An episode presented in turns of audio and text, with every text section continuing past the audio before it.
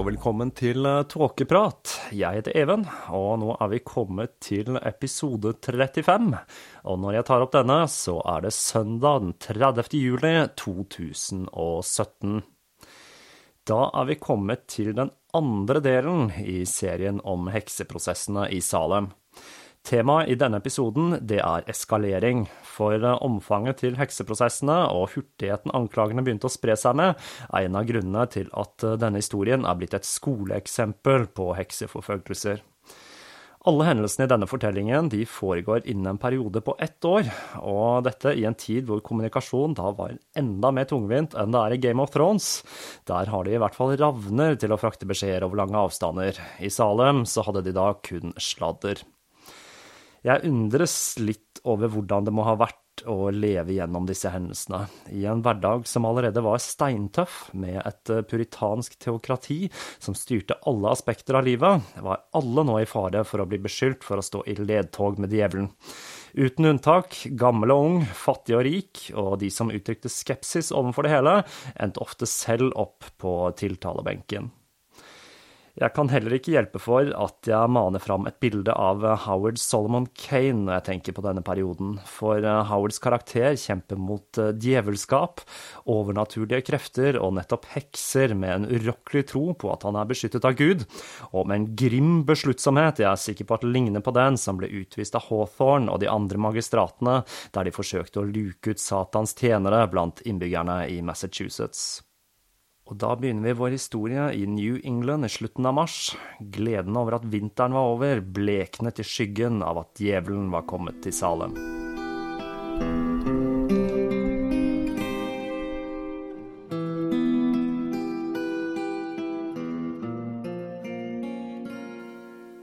Fengslene i Ipswich, Salem og Boston, hvor de anklagede ble sendt, var redselsfulle steder og heksene, som ble ansett for å være de farligste fangene, ble plassert i fangehullene. Dette var mørke avlukker i stein som var innhyllet i et evig mørke, bitende kalde og så fuktige at det rant vann fra veggene. De stinket av menneskekropper og avføring, og de må ha fremstått som en portal til helvete for de som var innesperret der. Fangehullene i Salem ble oppdaget i St. Peter Street på 50-tallet, når New England Telephone Company skulle sette opp en ny bygning. I 1692 så var det et overbygget tre over disse på seks kvadratmeter, som da ble kalt heksefengselet. Siden fangehullene lå så nære elva, så kan vi gå ut ifra at de var infisert med rotter, og ikke minst var en yngleplass for alskens eh, sykdommer. Alle fangene ble utsatt for umenneskelige lidelser. De var eh, sultne og tørste, og på vinteren så var det bitende kaldt. Enkelte ble plassert i celler som var så små at det ikke var mulig å legge seg ned. Men for heksene så var forholdene enda verre. De ble lagt i lenker, slik at det ikke skulle være like lett for de å sende ut spekterne sine. Hvor logikken eh, i at lenker kan holde fast astrallegeme kommer fra, det kan vi da bare lure på og de var da også ofre for vokternes eh, sadisme. De var eh, fritt vilt, og leting etter heksens merke, som jeg da var inne på i den vesteuropeiske heksekulten, det innebar inngående undersøkelser av alle kroppens kriker og kroker, og de ble systematisk torturert for å tvinge fram tilståelser. Det eneste lyspunktet må ha vært kontakten med de andre fangene, om de fengslede var så heldige å dele celle med andre. Men i noen tilfeller så kan medfangerne ha vært en ekstra belastning, noe det da er lett å forestille seg at det var i fengselet i Boston, hvor Titjibø, Sarah Good og Sarah Osborne satt fengslet. Det må ha vært spesielt grusomt for eh, Sarah Osborne, som eh, da var syk når hun ble kastet i fangehullet. Hun døde der kun to måneder etter hun ble fengslet. I Salem så kjente grusomhetene ingen grenser. Mot eh, slutten av forrige episode så fortalte jeg om rettssaken til Rebecca Nurse. Det var hun hvis mor var tidligere beskyldt for å være heks. Hun var 71 år gammel, syk, delvis døv og sengeliggende når hun ble anklaget for hekseri. Og jeg fortalte også at den ene datteren til Sarah Good, Dorcas, også var på tiltalebenken i dette avhøret og blir fengslet i Salem for, videre avhør. Men det var bare det, da. At eh, Dorcas, datter av Sarah Good, var kun fire år gammel når hun ble anklaget for hekseri. Hvorfor jentene pekte ut Dorcas, er ikke så lett å si. Kanskje hun var med sin mor når hun tigget? Kanskje hun hadde tatt etter Saras banning og fakter? Kanskje de trodde hun var en tjenerinne av djevelen, eller en smådjevel selv? Uansett hva årsaken var, så ble Dorcas etter to uker i fengselet i Salem transportert til det helvete som var fangehullene i Boston. Hun ble lagt i jern og lenket til veggen. Innesperret i mørket i det fuktige fangehullet skulle den lille jenta tilbringe nesten åtte måneder. Vi kan forestille oss hvordan skrik og gråt sakte gikk over til apati og hjelpeløshet. Det var ingen der for henne. Hennes mor hadde tatt med seg et spedbarn i fengselet, og dette var enten dødt eller døende, og Sara hadde ikke mer kjærlighet å gi. Sakte, men sikkert så ebbet viljen til å leve ut. Hodet, som til å begynne med hadde dunket mot den harde steinveggen til det var blodig og forslått, hang nå slapt og livløst fra skuldrene, og det var kun rytmen til pusten hennes som indikerte at det var liv bak det glassaktige blikket. Dorcas skulle overleve hekseprosessen i Salem, men hun skulle aldri bli den samme igjen. Oppholdet i fangehullene hadde drevet henne til galskap, og resten av livet så ville hun være pleietrengende. I Salem holdt pastor Diodert Lawson en tordentale om Satan og hans lakeier, en tale som ble skrevet ned og kopiert og sirkulert til alle magistratene. Samtidig som en annen gruppe, bestående av Rebecca Nurses venner og kjente, skrev under på et opprop om hennes uskyld. En av de som underskrev, var Sarah Holton, som hadde beskyldt Rebecca for å forhekse ektemannen sin. Hun fant tydeligvis tanken på at den gamle Nurse måtte ende livet i galgen, en smule ubehagelig. Men alt dette var bare begynnelsen. Mercy Lewis kunne igjen fortelle at hun var blitt angrepet av spekteret til Elisabeth Proktor, og at åndsvesenet hennes hadde forsøkt å få henne til å skrive seg inn i Djevelens bok. Men det var ikke før ti dager senere Elisabeth skulle bli avhørt, og da sammen med en annen som hadde uttrykket skepsis overfor det som foregikk. Sarah Cloyce, søsteren til Rebecca Nurse. De rammede jentene hevdet å ha sett Sarah Cloyce og Sarah Good sine spektre i en ansamling med hekser som spiste brød og drakk blod i en parodi på nattverden på et jorde like ved huset til Paris. I scenarioet jentene beskrev, så har vi til og med samtalen mellom heksene. Å, Goodwife Cloyce, jeg hadde ikke ventet å treffe deg her. Er dette den rette tiden å motta sakramentet? Du stakk av på sabbaten og nektet å motta det. Er dette tiden å ta det på? Noen ganger undres jeg over deg. Men nå så det ut til at eh, effekten av jentenes anklager var begynt å avta, for det gikk noen dager før det skjedde noe, og de ble avhørt en rekke ganger om hva de hadde sett og hørt. Var de sikre på at det var Sarah Cloyce? Hadde Mercy Lewis virkelig sett Elisabeth Proktor? Og enda en hendelse skulle kaste tvil over ektigheten til anfallene til jentene. To unge menn, William Raymond og Daniel Elliot, var i Ingersolls taverna samtidig som en del av de rammede jentene. De to diskuterte hva som foregikk, og Raymond han sa at han hadde hørt at eh, Goody Proctor skulle avhøres neste dag. Det var husets frue, Goody Ingersoll, som svarte. Hun sa at hun eh, trodde dette ikke stemte, da hun ikke hadde hørt noe om dette. Og da begynte jentene å skrike. Der er Goody Proctor, der er Goody Proctor, den gamle heksa, hun skal henge. Men nå fant jentene ut at eh, stemningen var i ferd med å endre seg. Jeg ser ingen, jeg tror det er ikke, svarte Raymond. Og Goody Ingersoll hun ga jentene en reprimande og sa at de løy. Hvorpå jentene spøkte bort det hele og sa at de gjorde det for å ha litt gøy. For å ha litt gøy, altså. Biter merke i det. Og det virker som om Paris også begynte å tvile, for istedenfor å sette i gang med de vanlige arrestasjonene, så erklærte han en faste den påfølgende torsdagen. Man skulle kanskje tro at luften var begynt å gå ut av ballongen, men den gang ei. John Indian, mannen til Titjibaasa, han hadde også begynt å få visjoner, antageligvis da for ikke å ende opp i fengsel sammen med sin kone, og han hadde visjoner gjennom hele den første delen av april, fram til den ellevte, hvor de to skulle bli avhørt.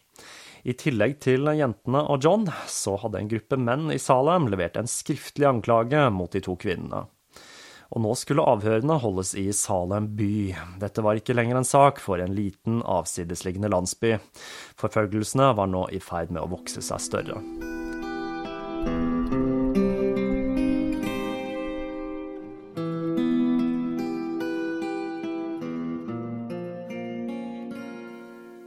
Tillegg til John Hawthorne og Jonathan Corvin så var det flere høyrestående herrer til stede.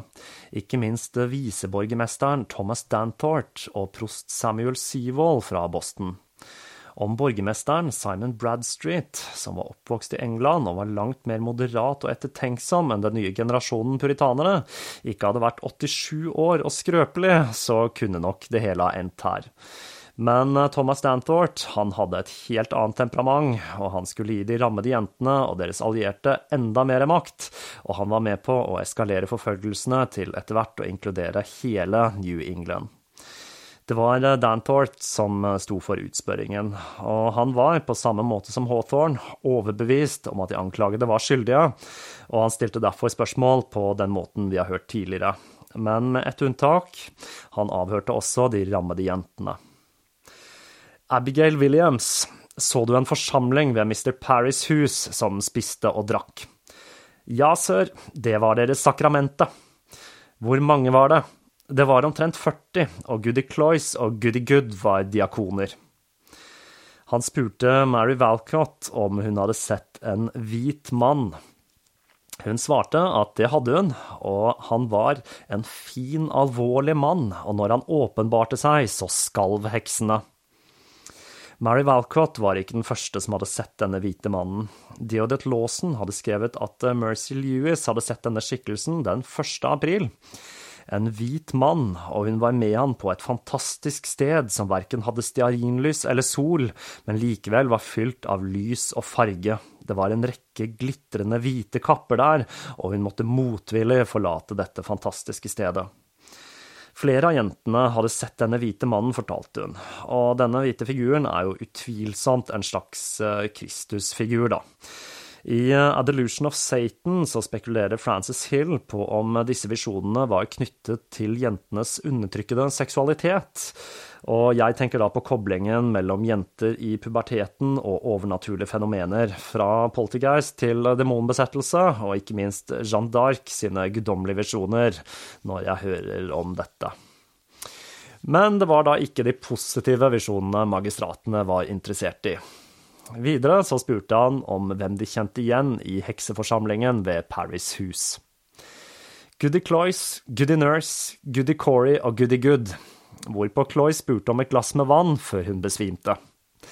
Jentene fikk da et nytt anfall og skrek at Cloyce Spekter hadde sluttet seg til Sarah Good i fangehullet mens hun lå besvimt på bakken.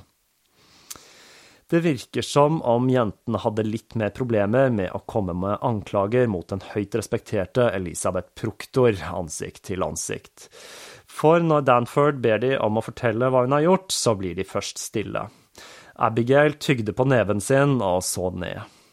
Men til slutt så fikk de igjen talegavene sine og kom med de vanlige beskyldningene. Og når Abigail anklaget Elisabeth for å ha bedt henne skrive seg inn i djevelens bok, og har fortalt henne at hushjelpen Mary Warren allerede hadde gjort dette, så så Elisabeth på Abigail og sa, kjære barn, det er ikke riktig, det finnes en annen dommer, kjære du.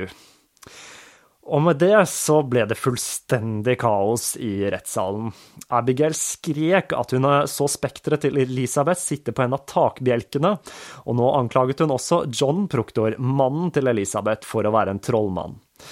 Mrs. Pope, som i tidligere rettssaker hadde kastet ting på de anklagede, falt nå bakover og hevdet at spekteret til John Proktor løftet henne opp etter beina, og Abigail tok på hodet til Elisabeth og skrek at det brant i hånden. Jentene skrek og ropte anklager. Den eneste som var rolig, det var Elisabeth Hubbard, som lå på gulvet i en transelignende tilstand. Neste dag så gikk det roligere for seg, og hendelsene fra dagen før ble oppsummert mens Mary Valcott satt og strikket og bekreftet hva som hadde foregått, som da for eksempel at John Proctor Spekter hadde sittet i fanget på magistraten. Både herr og fru Proctor og Sarah Cloyce ble sendt til fangehullet i Boston. Hushjelpen til Proctor-familien, Mary Warren, var til å begynne med en av anklagerne.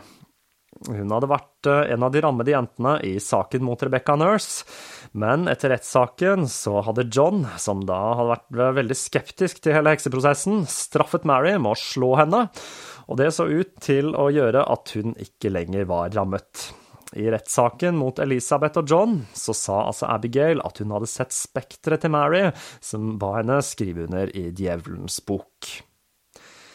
Ifølge loven så var det kongen som overtok alle eiendelene til den som var dømt for hekseri. Men i Salem så tok sheriffen, George Corvin og hans menn det, alle eiendelene til de fengslede og gjorde med de som de ville. Vi kan tenke oss at Mary, som da passet på de fem forlatte barna i proktorhusholdningen, måtte stå og se på mens sheriffen og hans menn forsynte seg med det som var av mat, drikke, verdigjenstander og husdyr i huset. Det var ingenting igjen til Mary og barna. Ti dager etter avhøret av Elisabeth og John, så var Mary selv på tiltalebenken. Denne gangen i landsbyen, og med John Hawthorne som avhører. Mary sto foran forsamlingen mens de tidligere vennene lå og vred seg på gulvet i kramper, noe de begynte med straks hun kom inn i lokalet. For ikke så lenge siden så var du en rammet, og nå er det du selv som skader barna. Hvordan har dette seg? spurte Hawthorne. Jeg så til Gud, det var Guds nåde, svarte hun og kom med en tilståelse. De rammede gjør seg kun til, sa hun. Med dette så fikk Mrs. Pope, hun som ble dratt etter beina av spekteret til John Proctor og pleide å kaste ting på de anklagede, altså, et eh, anfall. Og de rammede jentene og John Indian datt igjen om på gulvet i kramper. Mary sto nå overfor et valg, og hun valgte det eneste logiske. Hun fikk også et anfall, og de rammede jentene skrek at Goody Corey og John Proctor og kone sine spektre åpenbarte seg og forhindret Mary fra å tilstå. Hun ble fengslet. Til å begynne med så vil hun kun tilstå at Elisabeth Proktor var ei heks, men etter tre uker lenket i fangehullet, så var hun klar til å tilstå hva enn de ville. Hun fortalte at eh, John Proktor hadde bedt henne skrive seg inn i Djevelens bok. Mary hun skulle vise seg å bli svært verdifull for magistratene. Hun kom med en rekke detaljerte beskyldninger som av kjennskap til person- og stedsnavn indikerer at hun ble stilt svært ledende spørsmål. Når tilståelsen til Mary Warren ble gitt i midten av mai, var allerede 36 personer fengslet, anklaget for hekseri. Nå begynte arrestordrene å renne ut fra magistratene. Putnam-familien følte seg nå trygge på at de kunne anklage hvem enn de måtte ønske, og de rammede jentene ble stadig mer dristige i hvem de pekte ut som hekser. De allierte seg nå med de voksne anklagerne. Mary skulle aldri igjen si at de rammede kun spilte et spill. Og nå gikk hekseprosessene inn i høygir. Hele New England hadde nå heksefeber. Jeg kommer ikke ikke til å gå gjennom hver eneste sak i denne serien, men jeg skal se på noen av de avhørene jeg personlig syns er mest spennende.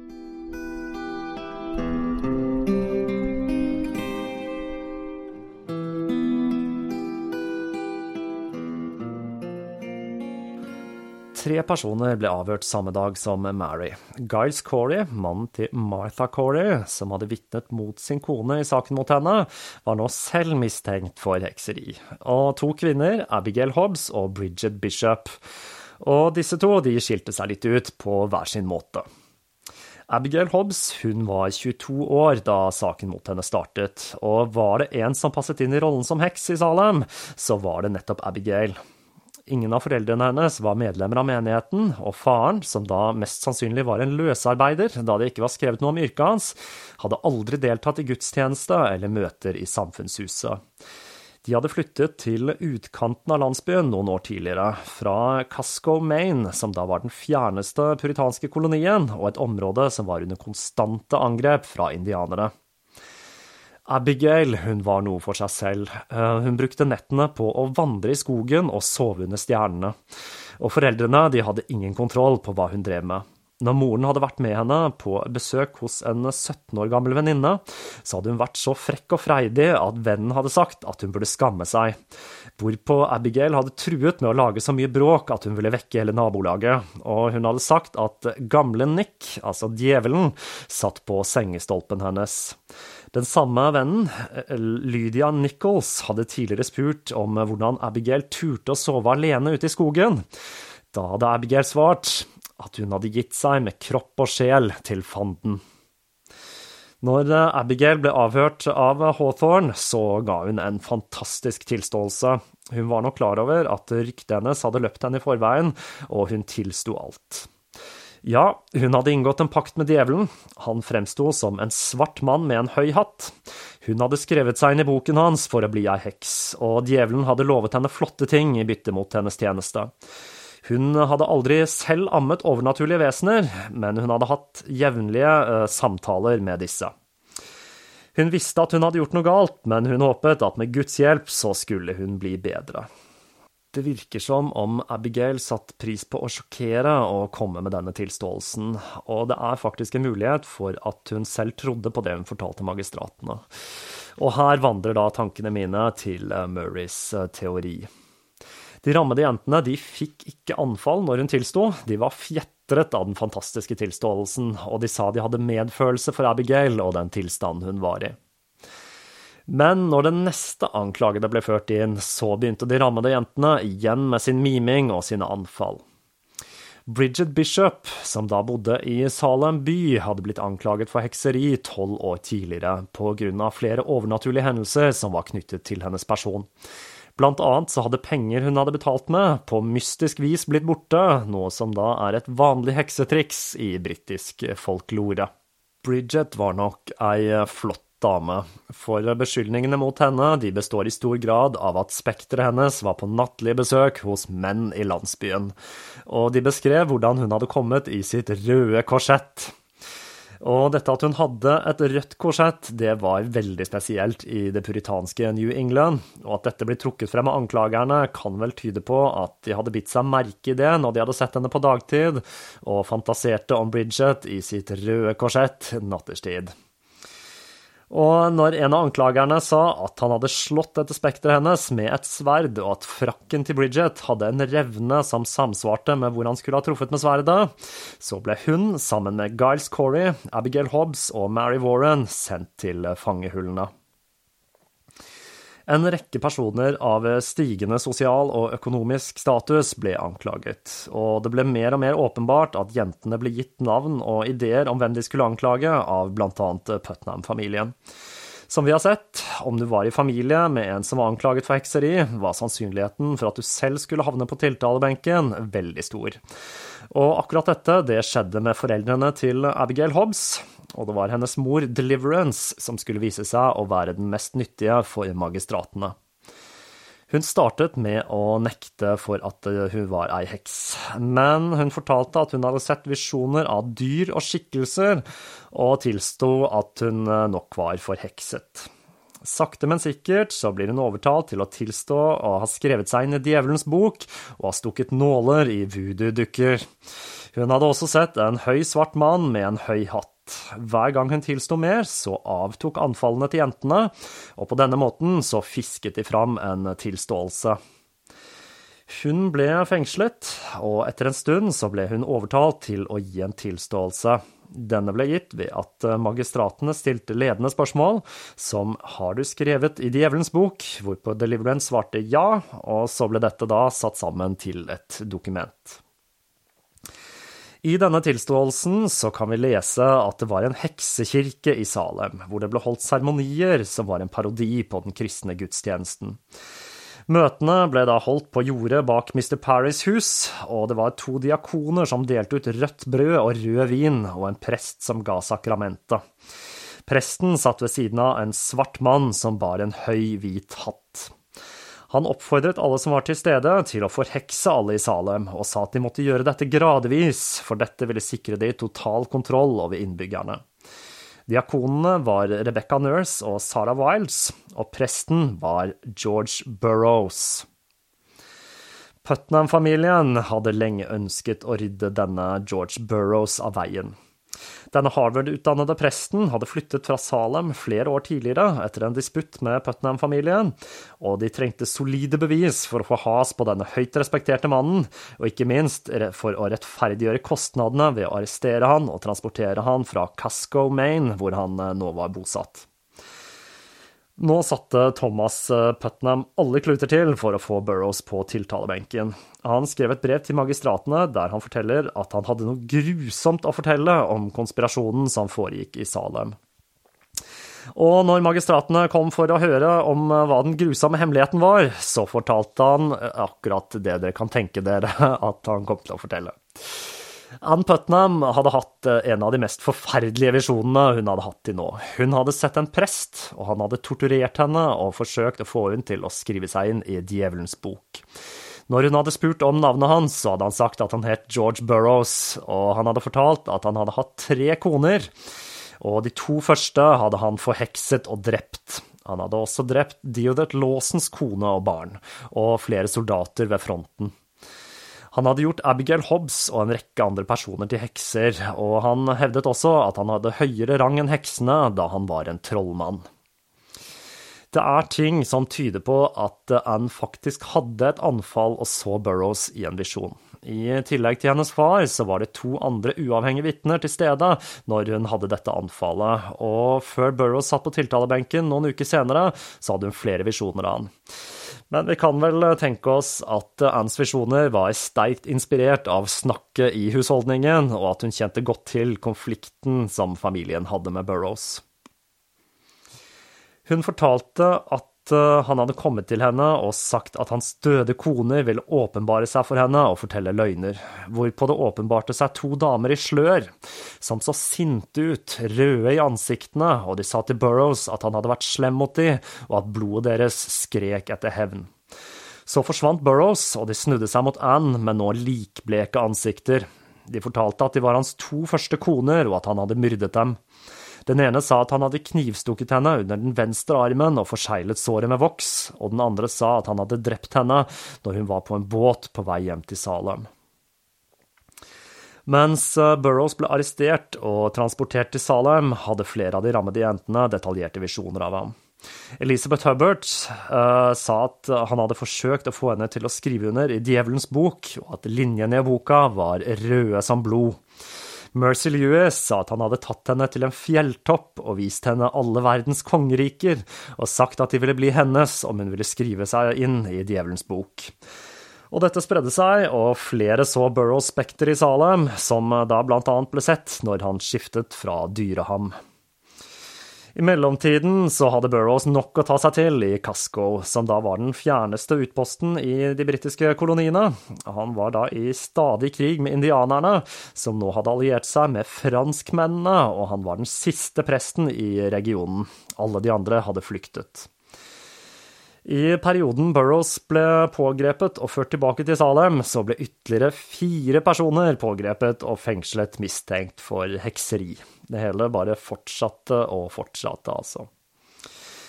Disse fire var sendt til fangehullene i Boston når Burrows ankom Salem, og han ble derfor først avhørt alene, noe som da var passende for en som hadde en høyere status enn heksene.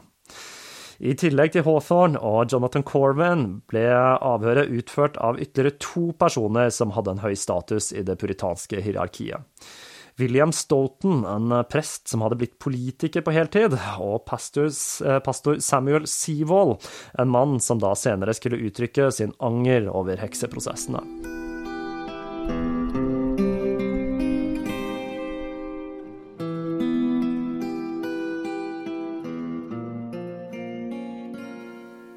Den første delen av avhøret fant sted uten tilskuere, og ikke minst uten de rammede jentene til stede.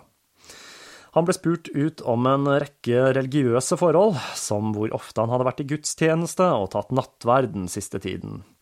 Og ettersom Burrows hadde mer enn nok med å slåss mot indianere og franskmenn, så hadde det vært lite av den slags. Han ble også stilt en rekke spørsmål om konene sine. Dette skulle da bli et gjennomgangstema i saken mot han. Det kan tenkes at han faktisk var en konemishandler, men det lå nok noe mer bak. For den andre konen hans var enken til John Hawthorns bror William, som hadde dødd under mystiske omstendigheter. Og siden hun hadde en høyere sosial status enn Burrows, så ble nok ekteskapet uglesett av Hawthorne-familien. Selv om dette da er en spekulasjon, så er det åpenbart at det lå en personlig vendetta bak det hele. Han tilsto også at barna hans, bortsett fra den eldste, ikke var døpt. Så ble han ført foran forsamlingen og de rammede jentene. Det var nok merkelig for han, som hadde levd de siste årene av sitt liv i en konstant krig med indianere, å bli ført fram foran forsamlingen og de rammede jentene. Dramaet ble enda mer bisart når Susanna Sheldon, enda en av disse rammede jentene altså, skrek ut at hans to avdøde koner var til stede, og at begge beskyldte han for å ha drept de. Hun sto et lite stykke unna de andre jentene, og når han så på de andre rammede jentene, så falt de ned på gulvet og fikk anfall. Mercy Lewis måtte hjelpes på beina når hun skulle lese opp beskyldningene mot han, og det samme skjedde med Mary Valcott og Elizabeth Hubbard. De kollapset når de skulle komme med anklagene. Alle jentene kunne fortelle at han hadde brakt dem en bok han ville de skulle skrive seg inn i. Når Burroughs blir bedt om å forklare seg, så kunne han ikke si annet enn at han var forbløffet over det fantastiske spetakkelet, men at de nok hadde feil mann. Dette ble etterfulgt av at eh, Susanna og Ann Putnam igjen sa at de så hans to avdøde koner og spekterne til to av barna hans, som anklaget han for drap. En strøm av vitner fortalte om Burroughs synder. Abigail Hobbs fortalte at hun hadde vært på en av heksesamlingene ved Paris Hus når eh, han hadde gitt henne sakramentet, noe som ble bekreftet av hennes mor, Deliverance. Elizer Kazar fortalte at han hadde fått det onde øyet kastet på seg av Burroughs når han hadde vært på Beatles-taverna et par dager tidligere. Og han hadde sett et merkelig lys i pipa etter dette. Dette med det onde øyet og kasting av trolldom med blikket, det er en eldgammel tradisjon som går tusenvis av år tilbake igjen i tid. Vi finner annet flere eksempler på dette i Det gamle testamentet, og troen på denne typen trolldom lever i beste velgående i mange kulturer den dag i dag. Flere av dere har sikkert kjøpt en såkalt nasar på ferie i Sør-Europa. Et lite øye som anheng, nøkkelknippe eller lignende. Jeg har i hvert fall eh, skuffer og skap fulle av den slags nips. Og dette er da en eh, talisman som skal beskytte mot det onde øyet og forhindre ting som uønsket lys i pipa, altså. Flere av soldatene som hadde kjempet sammen med han, vitnet om hans unaturlige styrke. Han kunne løfte fulle tønner og kanoner med én finger, kunne de fortelle. Det er eh, ingenting som tyder på at soldatene hans hadde noe personlig imot Burrows, men de forsto nok at det var best å være med på leken om de selv ikke skulle havne på tiltalebenken. Dette med styrken, det gikk igjen, og det ble fortalt en rekke anekdoter om denne overnaturlige evnen. Denne styrken var noe som da kunne spores langt tilbake i tid, noe som pekte på at den ikke skyldtes en nylig inngått kontrakt med djevelen, og at Burrows var en slags supertrollmann. Videre så ble det vitnet om forholdet til de to første konene hans, om hvordan han mishandlet de, og om hvordan han hadde fått sin første kone til å skrive under på en kontrakt om at han, hun ikke skulle røpe noen av hemmelighetene hans. Og med dette så ble Burrows fengslet. Anklagene og avhørene fortsatte på samme måte etter fengslingen av Burrows. Flere slektninger av de anklagede og andre anklagerne ønsket å rydde av veien, ble fengslet.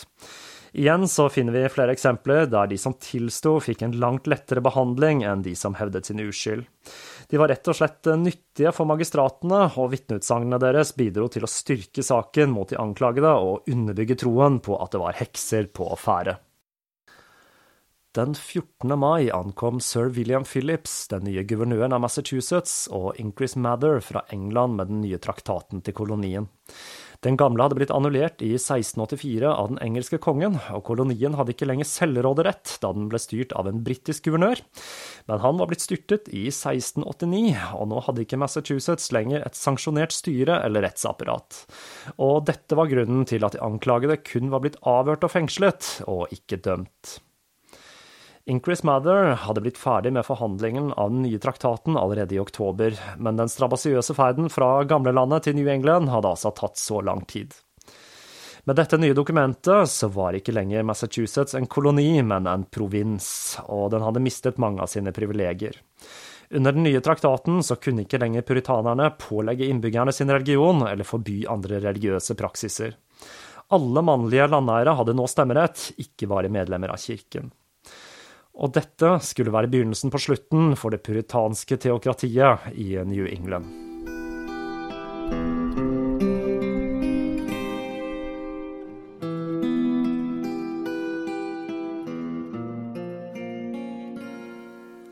Og der forlater vi våre puritanske nybyggere for denne gang.